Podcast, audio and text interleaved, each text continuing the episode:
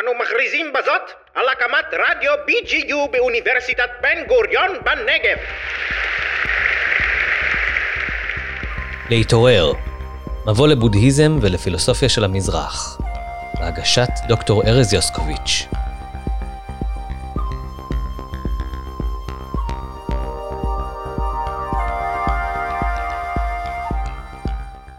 שלום, וברוכים הבאים לפודקאסט להתעורר, מבט מעודכן וביקורתי על הבודהיזם והרלוונטיות שלו לחיינו במאה ה-21. אני דוקטור ארז יוסקוביץ', מומחה לזן בודהיזם ומרצה לפילוסופיה בודהיסטית באוניברסיטת בן גוריון. אני רוצה להזמין אתכם להצטרף אליי למסע חוצה תקופות, ארצות ותרבויות. מסע שבו נדון ברעיונותיו של הבודה, נבחן את האמונות ותפיסות העולם של חסידיו, ונראה כיצד השפיע הבודהיזם על התרבות והמחשבה באסיה ומעבר לה. פרק רביעי אין אני נתחיל בסיפור. מספרים על מלך אחד בהודו בשם מילינדה, אשר ביקש לפגוש נזיר בודהיסטי חשוב כדי להתפלמס איתו על תורת הבודה. עם פגישתם שאל המלך את הנזיר, מה שמך? ענה לו הנזיר, הוריי נתנו לי את השם נגסנה, ובשם הזה אני ידוע בקרב חבריי ועמיתיי הנזירים. אולם השם נגסנה, כמו שמות אחרים, איננו אלא תווית, שם ותו לא, מכיוון שאין באמת אינדיבידואל כזה נגסנה. כעס המלך ואמר, אם נגסנה אינו אלא תווית, מי הוא זה שמקבל תרומות למחייתו? מי שומר על העקרונות הבודהיסטיים, מתגלגל, משתחרר מהסבל וכיוצא בזה? לשיטתך, נגסנה איננו קיים באמת. אז מי הוא זה הניצב לפניי? אין לי להסיק מדבריך שאתה אינו אלא שקרן. השיב לו הנזיר. מלך אדיר, הרשה לי לשאול אותך שאלה. האם הגעת לפגישתנו ברגל או רכוב במרכבה? ענה לו המלך, במרכבה כמובן. שאל הנזיר, האם מרכבתו של המלך היא הגלגלים? לא השיב המלך. שאל הנזיר, האם מרכבתו של המלך היא איפה היצול? לא השיב המלך. אולי מרכבתו של המלך היא המושכות, הצירים, המושב, וכיוצא בזה. לא, לא ולא, השיב המלך. אם כן, שאל הנזיר, האם מרכבתו של המלך היא פשוט אוסף של כל החלקים הללו? לא השיב המלך. האם מרכבתו של המלך מצויה מחוץ לחלקים האלו? ודאי שלא השיב המלך.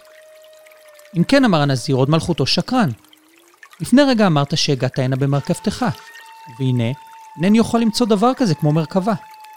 אין לי אלא להסיק כי עוד מלכותו לא אמר אמת. השיב לו המלך, אינני שקרן.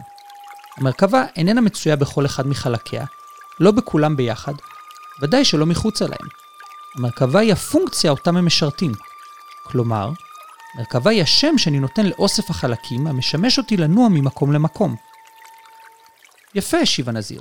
באותו אופן גם נגסנה איננו אלא תווית, פונקציה מאפשרת לי להתנהל בעולם. אך ברמה המוחלטת, אין באמת נגסנה.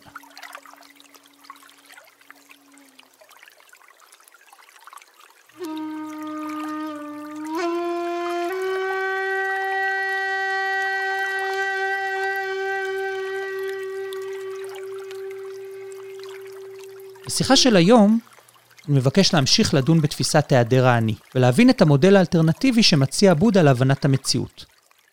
גם היום נמצא איתי דוקטור בוזי רביב היקר מרדיו BGU, וביחד אנחנו מתחילים. היי ארז. שוב אנחנו מוצאים את עצמנו במעיין המפכפך בלב המדבר. בעקבות השיחה הקודמת אני רוצה לשאול אותך שאלה שנשארתי איתה. הצגת את הרעיון של הבודה של ביטול האני, שאין אני. והרעיון הזה הוא קצת קשה להבנה, כי אם אין אני, אז מי לומד ואיך אני זוכר דברים, ואיך יש רצף בין מה שעשיתי בעבר לבין מה שאני עושה היום לבין העתיד, איך אני בכלל יכול להחליט מה יהיה איתי מהנקודת הנחה הזאתי. תוכל להרחיב על זה, בבקשה? הרעיון של היעדר האני זה בהחלט רעיון אה, לא פשוט לעיכול. ועל אחת כמה הוא לא פשוט לעיכול, כאשר אנחנו מתייחסים אליו בהקשר המודרני. בהקשר של העולם הקפיטליסטי, אינדיבידואליסטי, שבו אנחנו חיים. אבל הדבר הראשון שחשוב להבין זה שעבודה לא פיתח את הרעיונות שלו, בעיקר את התורה של היעדר האני, אל מול התפיסות המחשבתיות והפילוסופיות שרווחות בימינו, אלא אל מול התפיסות הפילוסופיות שרווחו בימיו. ובעיקר הדברים אמורים אל מול התפיסות האופנישדות בהודו של ימיו. והתפיסות האלה למעשה הניחו כמה הנחות בסיס מאוד חשובות, שהבודה משתמש בהן כנקודת יציאה, ולמעשה בסוף סותר אותם לחלוטין. וההנחות האלו הן בעצם הנחות בדבר היחס שבין האני לבין העולם, בין החלופי לבין הקבוע, בין היחסי לבין המוחלט, ובאופן מאוד מאוד פשטני ניתן לומר שהן מניחות איזושהי הקבלה בין המקרוקוסמוס לבין המיקרוקוסמוס. כלומר, שיש יסוד נצחי בקוסמוס, יסוד שהוא מעבר לשינויים, אפשר לקרוא לזה תפיסה מוניסטית, שהשינויים באים ממנה, ולא הם, אותו הם מכנים הברהמן. הברהמן הזה הוא דבר שאיננו משתנה, איננו נכחד, איננו נוצר, הוא תמיד היה שם ותמיד יהיה שם, והוא המקום שממנו התופעות יוצאות. הוא היוצר הגדול של העולם, של היקום. זה ישות? אז זה לא ישות, אף על פי שבהינדואיזם היותר מאוחר אה, זה מקבל ייצוג של אלים כמו ברמה וכיוצא בזה, אבל במקור מדובר פה על איזשהו, אפשר לומר, עיקרון. Okay? אוקיי? העיקרון הזה עומד בשורש כל הדברים. העיקרון הזה הוא נקרא אברהמן. ואותו עיקרון, למעשה יש לו הקבלה. וההקבלה שלו היא בעצם בכל אחד מהאינדיבידואלים, בכל אחד מאיתנו, וזה האטמן. כלומר, לכל אחד מאיתנו יש איזשהו יסוד קטן מהמוחלט. יסוד שלא משתנה. אפשר לקרוא לזה אולי נשמה בשפה היהודית.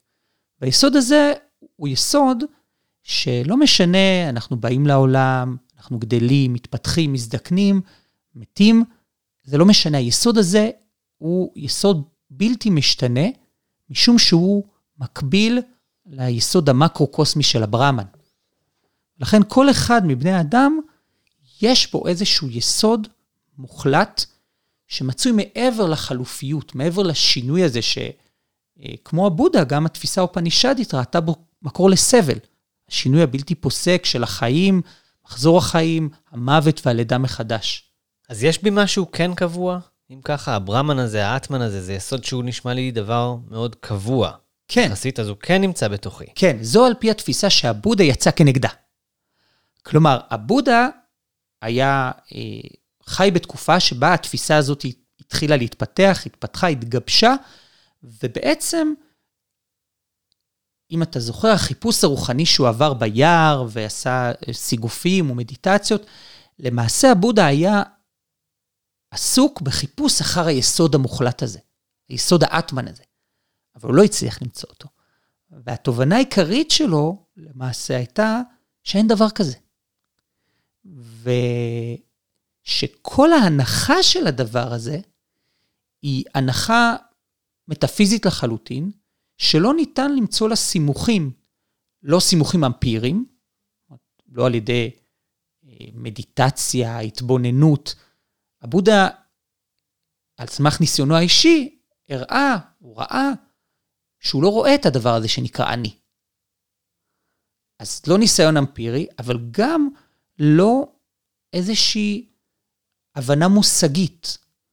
ועל זה מצביע הסיפור שהבאנו. כלומר, אם לוקחים את האני ומנסים לנתח אותו, את האטמן הזה, מה שאנחנו מגלים, שהוא מורכב מהמון המון דברים אחרים, אבל אין באמת אני, מלבד התווית או השם הזה, כמו מרכבה. וכאן החשיבות של התפיסה הזאת היא בהבנה שבודה לא בא ואומר שאין לנו זהות אישית שמייחדת כל אחד מאיתנו. והוא לא אומר ש, שאין הבחנה בין בוזי לארז, לאחרים, שארז לא יכול ללמוד ולהתפתח, ובוזי יכול להשתנות ולהרגיש רגשות כאלה או אחרים. אבל הוא מתנגד נחרצות לאיזשהו שימוש באני או בעצמי או באישיות, במרכאות כפולות, במסגרת איזושהי תורה פילוסופית שטוענת לקיום של אני קבוע או אישיות יציבה ונצחית. כמו התיאוריה האופנישדית שמנסה לייחס יסוד בשם אטמן, שהוא חלק מהקבוע הקוסמי, הברהמן. וכאן הבודה נכנס ואומר, לא, אין כזה דבר. למה בעצם שיהיה? אז כבר אפשר לשאול מה הוא כן אומר, או שיש עוד דברים שהוא שולל שצריך לעבור דרכם? אולי חשוב להדגיש את העובדה הזאת שהנחת האני היא איזושהי אקסיומה אה, מאוד מקובלת, גם אה, בפילוסופיה במערב. אתה ציינת אה, בפגישה הקודמת שלנו את האמירה של דקארט, אני חושב, משמע אני קיים, אבל גם בפילוסופיה ההודית, הפילוסוף שנקרה, הוא פעל בהודו למעלה מאלף שנים לאחר הבודה, הוא טען את הטענה הבאה, כל אחד מודע, מודע לקיומו ולעולם איננו חושב אינני קיים. זו טענה מאוד מאוד דומה לדקארט. כלומר, יש איזושהי הנחה מאוד מאוד בסיסית של אישיות, של אני קבוע, שכל החוויות, כל השינוי קורה לו. וכל ההשתנות שלנו בעצם, יש להם איזשהו סוכן, שהוא נשאר קבוע אל מול כל השינויים הללו. אבל בעצם בודה טוען שזוהי הכללה שרירותית שלא ניתן להוכיח אותה. ולעומת זאת, הוא רוצה לערער את ההנחה הזאת, ולהצביע על ההנחה הזאת כאיזושהי מוסכמה אה, לשונית חברת, חברתית. כלומר, זה לא אמת מטאפיזית, זה מוסכמה לשונית חברתית שאנחנו חייבים לקבל כדי להתקיים בעולם, כדי להצביע על עצמנו כאיזשהו agent אה, שעושה כל מיני פעולות. אבל אסור לנו באופן חמור, לפי תורת הבודה, לייחס לאמירה אני או עצמי איזשהו קיום מוחלט, נפרד, יציב וקבוע.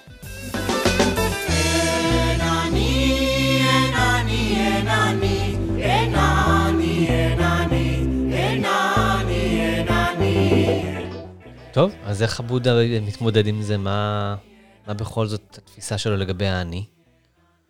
אז בעצם הבודה עורך איזושהי בחינה של אותו אני. הוא מזמין כל אחד ואחד מאיתנו בעצם לעשות את אותה בחינה באמצעות המדיטציה. והבחינה הזאת מובילה אותו לנסח איזה שהן קטגוריות, שהקטגוריות האלה הן, לפי הבודה, המרכיבות את האני. כמו החלקים השונים של המרכבה? כן. אה, וה... הקטגוריות האלה, וכאן חשוב לציין, לפני שאנחנו נפרוט את הקטגוריות האלה ונדבר עליהן, חשוב להבין שאסור לנו לטעות ולייחס לקטגוריות האלו, כאילו הקטגוריות האלה הן באמת קיימות, okay? אוקיי? אלא אלה הן קטגוריות שעבודה משתמש בהן כסוג של הנחיות למדיטציה. כלומר, אם אנחנו ניקח את הקטגוריות האלה ונתבונן בכל אחת ואחת מהן, נוכל לפרק את האני. אלה בעצם קטגוריות שמאפשרות לנו לראות איך האני איננו יציב וקבוע, אלא משתנה באמצעותן ודרכן.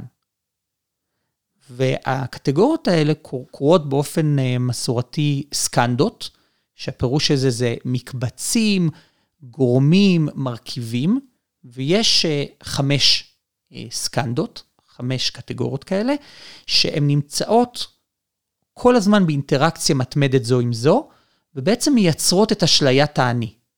והם מכונים, בעברית אנחנו בדרך כלל מכנים אותם חמשת המצרפים. Okay? אוקיי?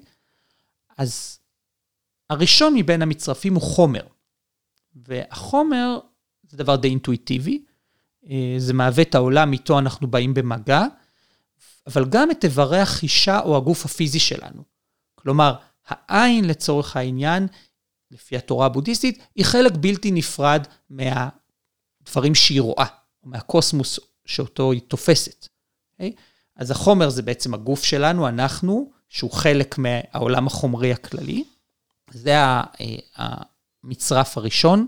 אל החומר מצטרפת תפיסה. זהו המצרף השני, התפיסה, באנגלית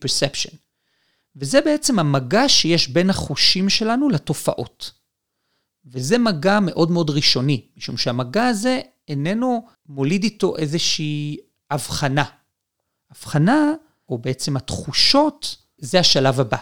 תראה, עד עכשיו סיכמת את חוויית חיי. זאת אומרת, אני נמצא בעולם, אני נוגע בעכבר או בשולחן, מרגיש את הנגיעה הזאת בקצות האצבעות, אלו שני מרכיבים מסוימים, נכון? עצם זה שנגעתי, כן, ועצם זה שהרגשתי את הנגיעה. כן. אוקיי, אז, אז בדיוק, זאת אומרת, הנגיעה, רק חוויית הנגיעה, ללא שיפוט, היא למעשה התפיסה. וכאן אנחנו מגיעים לשלב הבא, או המצרף הבא, מספר 3. ואלה הם למעשה התחושות. והתחושות גוררות איתן איזה שהן שיפוט. ושיפוט הוא האם המגע הזה שאתה תיארת, הוא יכול להיות נעים לך, הוא יכול להיות לא נעים לך, והוא גם יכול להיות ניטרלי. כלומר, יכול להיות שהוא גורם לך להרגשה אה, שהיא לא נעימה ולא לא נעימה. זה רק אה, על המנעד של נעים לא נעים, או שגם נגד מוכר זה גם יכול להיות סוג של שיפוט? אז באופן עקרוני, התיאוריה הזאת נועדה למעשה להתמודד עם בעיית הסבל. וכפי שכבר למדנו, הסבל הוא תולדה של ההשתוקקות או התחייה. ולכן הבודה מאפיין את התחושות האלה כשיפוט.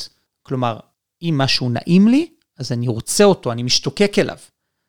ואם משהו לא נעים לי, אני דוחה אותו. ואם משהו הוא לא נעים לי וגם לא, לא נעים לי, אז uh, פשוט אני חי איתו. אז הוא לא, הוא לא מעורר אצלי השתוקקות ולא מעורר אצלי תחייה, ולכן אני, אפשר לומר, אדיש אליו. אז זה רק, אז רק השלושה פרמטרים האלה. כן, כן, לפי, לפי התפיסה, לפי המיון. אבל שוב, צריך גם כאן להדגיש את העניין הזה, שמדובר במשהו לחלוטין סכמטי. לחלוטין איזושהי שיטה מתודולוגית שנועדה לאפשר לך או לעזור לנו להתבונן בתודעה שלנו כאשר המגע הזה קורה.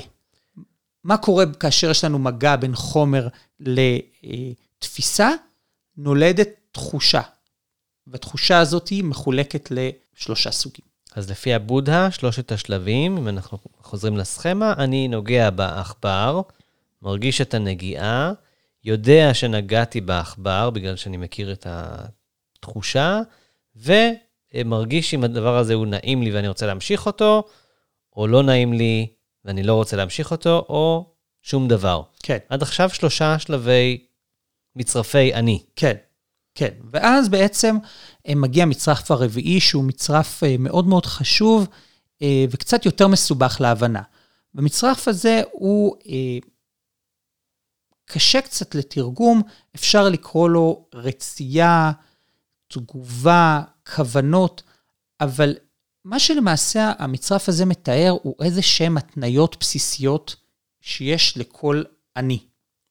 כלומר, יש איזושהי מערכת של התניות שגורמת לנו להגיב בצורה כזו או אחרת, לפי הדבר שאנחנו מחליטים אם הוא נעים לנו או לא נעים לנו. כלומר, אם אני הולך אה, חזרה לתיאור שאתה תיארת, יש לי איזשהו גוף, אני בא במגע עם איזשהו אובייקט? יש לי איזושהי תחושה, נעים לי או לא נעים לי, ואז נכנסת פה גם איזושהי התניה. כלומר, התגובה שלי היא איננה תגובה נקייה. זאת אוקיי? אומרת, אני יכול להגיד, יש משהו שהוא לא נעים לי, אבל בכל זאת אני רוצה אותו כי משהו? למשל, או אה, ההשפעה של הדבר הזה על התחושה שלך, נעים לי או לא נעים לי. כלומר, אם אתה מותנה בצורה מסוימת, נגיד שאתה מאוד אוהב מתוק, אוקיי? Mm-hmm. Okay? אז, אז ההשפעה של המתוק עליך תהיה הרבה יותר חזקה, ותרצה אותו יותר. להפך, גם ייתכן, כלומר, אם אתה ממש לא אוהב מתוק, אז מתוק יהיה משהו שאתה לא תרצה, ותנסה להימנע ממנו. כלומר, ההתניה הזאת היא איזושהי מערכת אה, פנימית שמעצבת את החוויה שלנו. או אם אני אוהב מתוק, אבל אני יודע שהוא לא בריא לי, כשאני תואם אותו זה טעים לי, אבל אני לא רוצה אותו. זה כבר שלב הבא. וואה, אני מתקדם.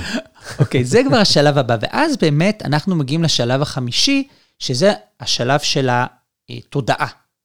שבעצם השלב הזה הוא שלב שתלוי בארבעת השלבים האחרים, בארבעת המצרפים, והוא שלב שלמעשה אה, מגבש איזושהי תודעה מהסוג שאתה הסברת עכשיו. כלומר, אני יודע שאני אוהב מתוק, אני יודע שאני מותנה בצורה כזאת, יש לי תחושה של מתוק, חוויתי את המגע של הסוכריה בלשון, אה, זה נעים לי, אבל עכשיו אני יוצר איזושהי תודעה מורכבת, שבה אני, יש לי איזה ידע שאומר אה, שמתוק זה לא בריא לי. ואז נוצר הקונפליקט, האם לאכול עוד סוכריה, האם לאכול את הסוכריה הזאת, וזה בעצם התודעה. אם ככה, אז לפני שתמשיך לחמש ותרחיב עליו, אני צריך עוד חידוד על מה זה ארבע, כי כנראה לא הבנתי.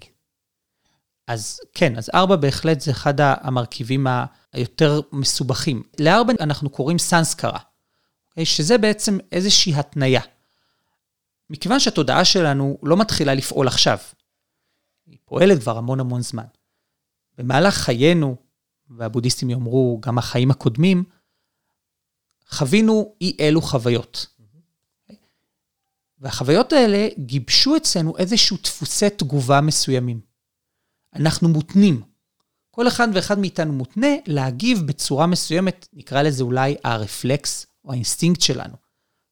אנחנו מותנים להגיב לדברים מסוימים בצורה מסוימת, לפי התניות של חוויות קודמות שהיו לנו.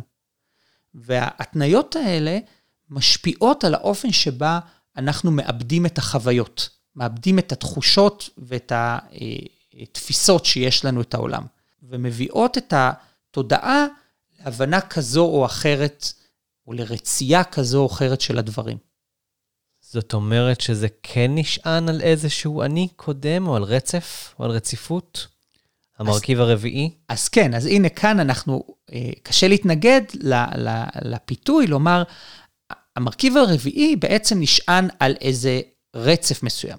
אבל הרצף הזה איננו קבוע, אלא הוא תנאים ונסיבות שבעצם קרו לנו וממשיכים לקרות, והם כל הזמן נמצאים גם בשינוי, כי גם ההתניות שלנו יכולות להשתנות כל הזמן.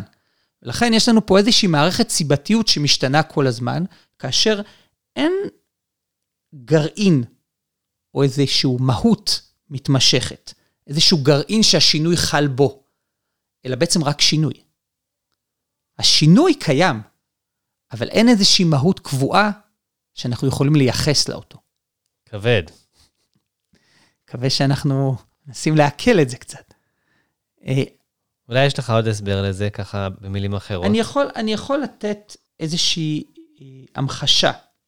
לפי הבודה, מה שקיים הוא איזושהי שורה אינסופית של אירועים רגעיים, אוקיי?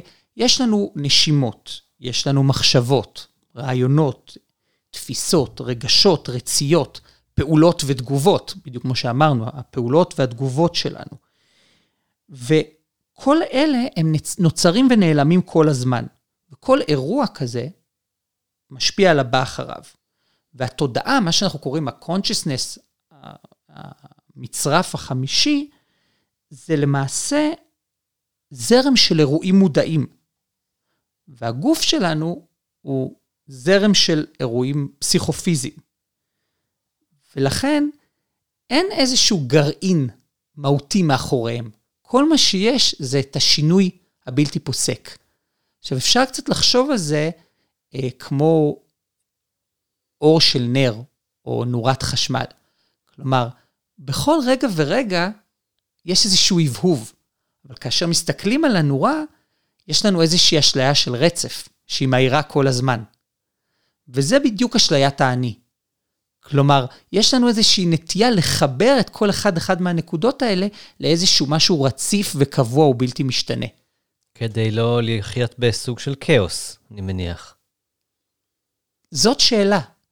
זאת אומרת, ואחת השאלות שהבודה מתייחס אליהן, ואומר אותן דווקא כהוכחה להיעדר האני, זה הרעיון שהוא אומר, אם האני היה כל כך קבוע, מוחשי ו- ויציב, לא היה לנו צורך כל הזמן להנכיח אותו ולייצב אותו.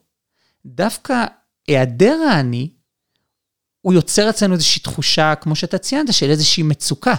ולכן אנחנו בעצם יוצרים, ואפשר אולי לומר, מזינים את האשליה הזאת של האני, כדי לא להיות באיזשהו סוג של כאוס, חוסר ביטחון, חרדה.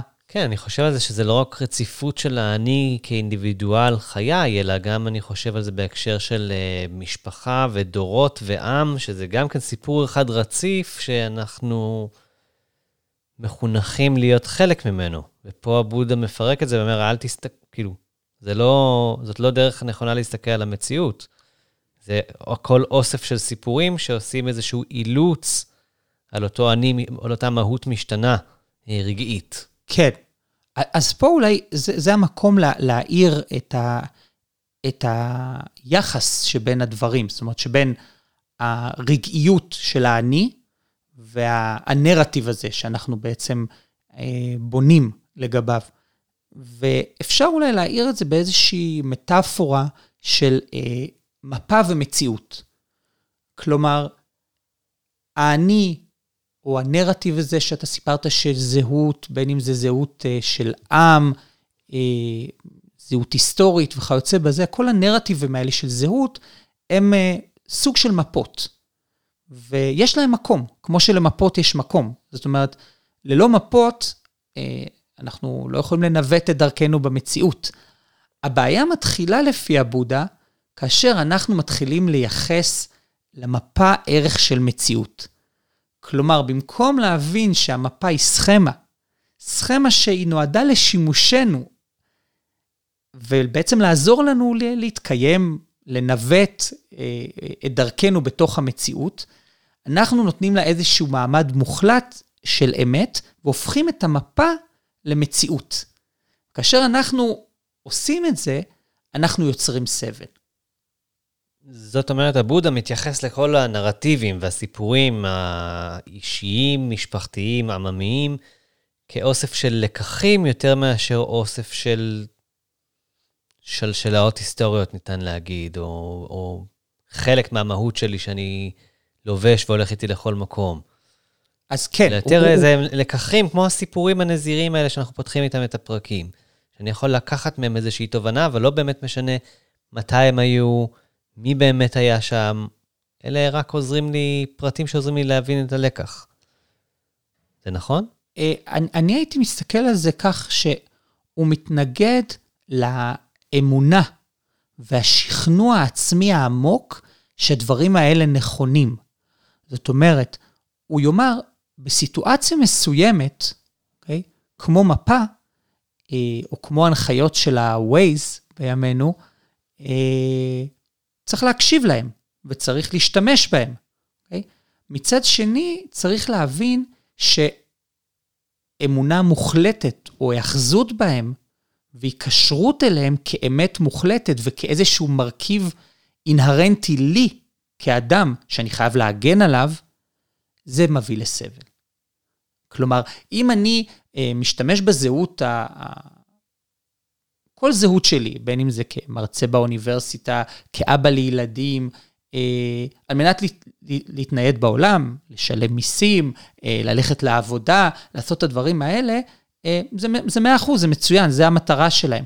מהרגע שאני מתחיל לראות בדברים האלה יותר, ולהפוך את הדברים האלה למשהו שהוא מרכיב אינהרנטי שלי, שאם חס וחלילה יילקח ממני, או חס וחלילה מישהו יאיים עליו, אני ארגיש שהוא מאיים עליי, על העצמי שלי, אז אני יוצר סבל. תראה, המקום שבו אני מתחבר לדברים האלה, שקשה מאוד להתמודד איתם ולתפוס אותם, הוא המקום שבו אה, אני מרגיש שאני קצת אחר עם כל בן אדם, או עם כל הרכב, או אה, בסיטואציה מסוימת. אם נגיד עכשיו אומרים לי, אתה המפקד של היחידה הזאת בצבא, אז אני כבר לא מתנהג כמו החייל הרגיל, רק מעצם הידיעה שאני עכשיו בפוזיציה אחרת, או, או דיבורים עם אה, סטודנטים, או איתך, או עם, או עם חבר טוב, או עם אה, אשתי, לצורך העניין. אנחנו אחרים קצת בכל נקודה כזו. זה המקום שאליו הוא מכוון? אה, אז אני חושב שגם, זאת אומרת, עצם זה שאנחנו יכולים להבין שבכל מקום אנחנו אחרים, ובכל מקום יש איזשהו מופע אחר שלנו שלובש צורה, ואנחנו יכולים לעבור בין המופעים האלה. אני חושב שזה גם, אבל אם אני חוזר לתחילת השיחה שלנו, אה, הבודה למעשה רוצה להעלות התנגדות מאוד מאוד משמעותית לתורה האופנישדית, וזה איזושהי תורה שאומרת שאם אנחנו נצליח לגלות מה יש מתחת לכל המופעים האלה שאתה הצגת, מה יש מתחת לאיך אתה עם בת זוגך, איך אתה באוניברסיטה, איך אתה עם חברים, אה, יש מתחת לשם איזשהו משהו, איזשהו מהות מסוימת, שאותה מהות היא העצמי האמיתי שלך. ואם אתה תצליח לגלות מהו העצמי האמיתי שלך, אז אתה תהיה מאושר, אתה תהיה משוחרר, אתה תגלה את המוחלט. והבודה אומר, אבל למה בעצם? למה להניח שיש איזשהו גרעין כזה, שהוא לא משתנה, שהוא אה, בוזי הנצחי?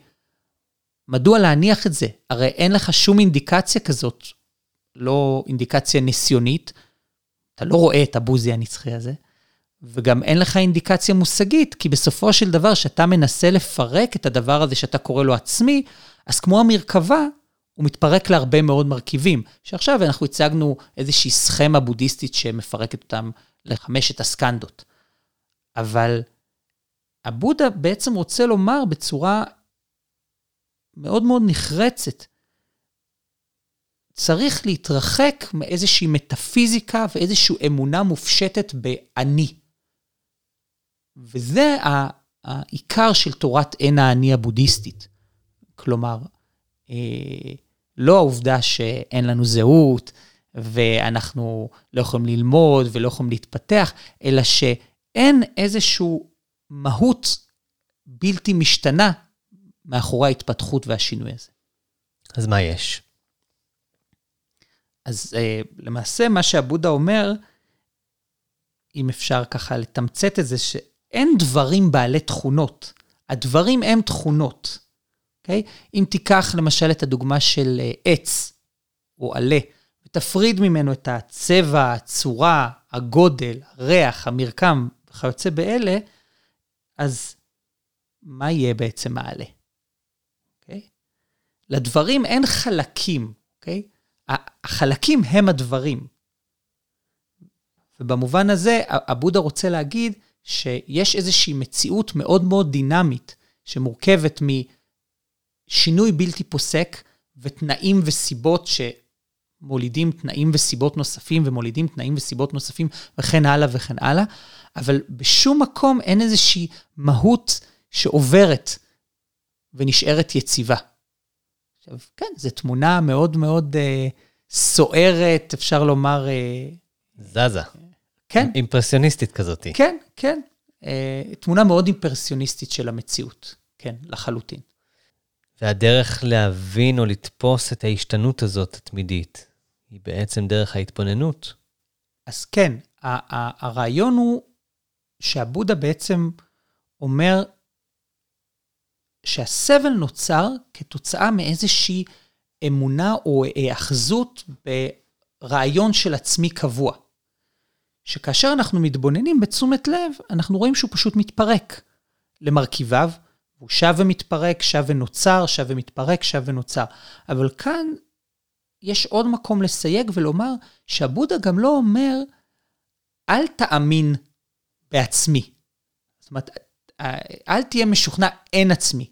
כי אז בעצם גם זה מפריע מאוד להתבוננות. מה שאנחנו מתבוננים זה לא באיזשהו מצב אובייקטיבי של אה, דברים שעולים, חולפים, משתנים, אלא אנחנו מתבוננים באיזשהו רעיון שיש לנו, שאין עצמי. הבודה בעצם אומר, כל הרעיונות האלה לגבי העצמי, הם קצת מבלבלים אותנו ומונעים מאיתנו לראות את המציאות כמו שהיא. צריך להניח לרעיונות האלה ופשוט לראות את השינוי. ולהתבונן בשינוי.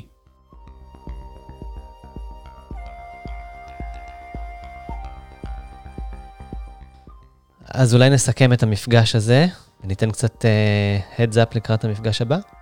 אז כן, היום uh, אנחנו בעצם ניסינו להבהיר איזה מין אני ביטל הבודה. איזה סוג של אני הוא ביטל הבודה, והסברנו שזה האני האופנישדי, האטמן, איזשהו יסוד מוחלט וקבוע אה, שאיננו משתנה באישיות האנושית, וגם ניסינו להסביר באיזה אופן הוא ביטל את זה. באופן של אה, אמפירי, כהתבוננות, ובאופן מושגי, כאיזשהו ניסיון לנתח את מושג האני אה, ולהראות שהוא מושג ריק, כלומר, הוא מורכב מהרבה מאוד מושגים אחרים.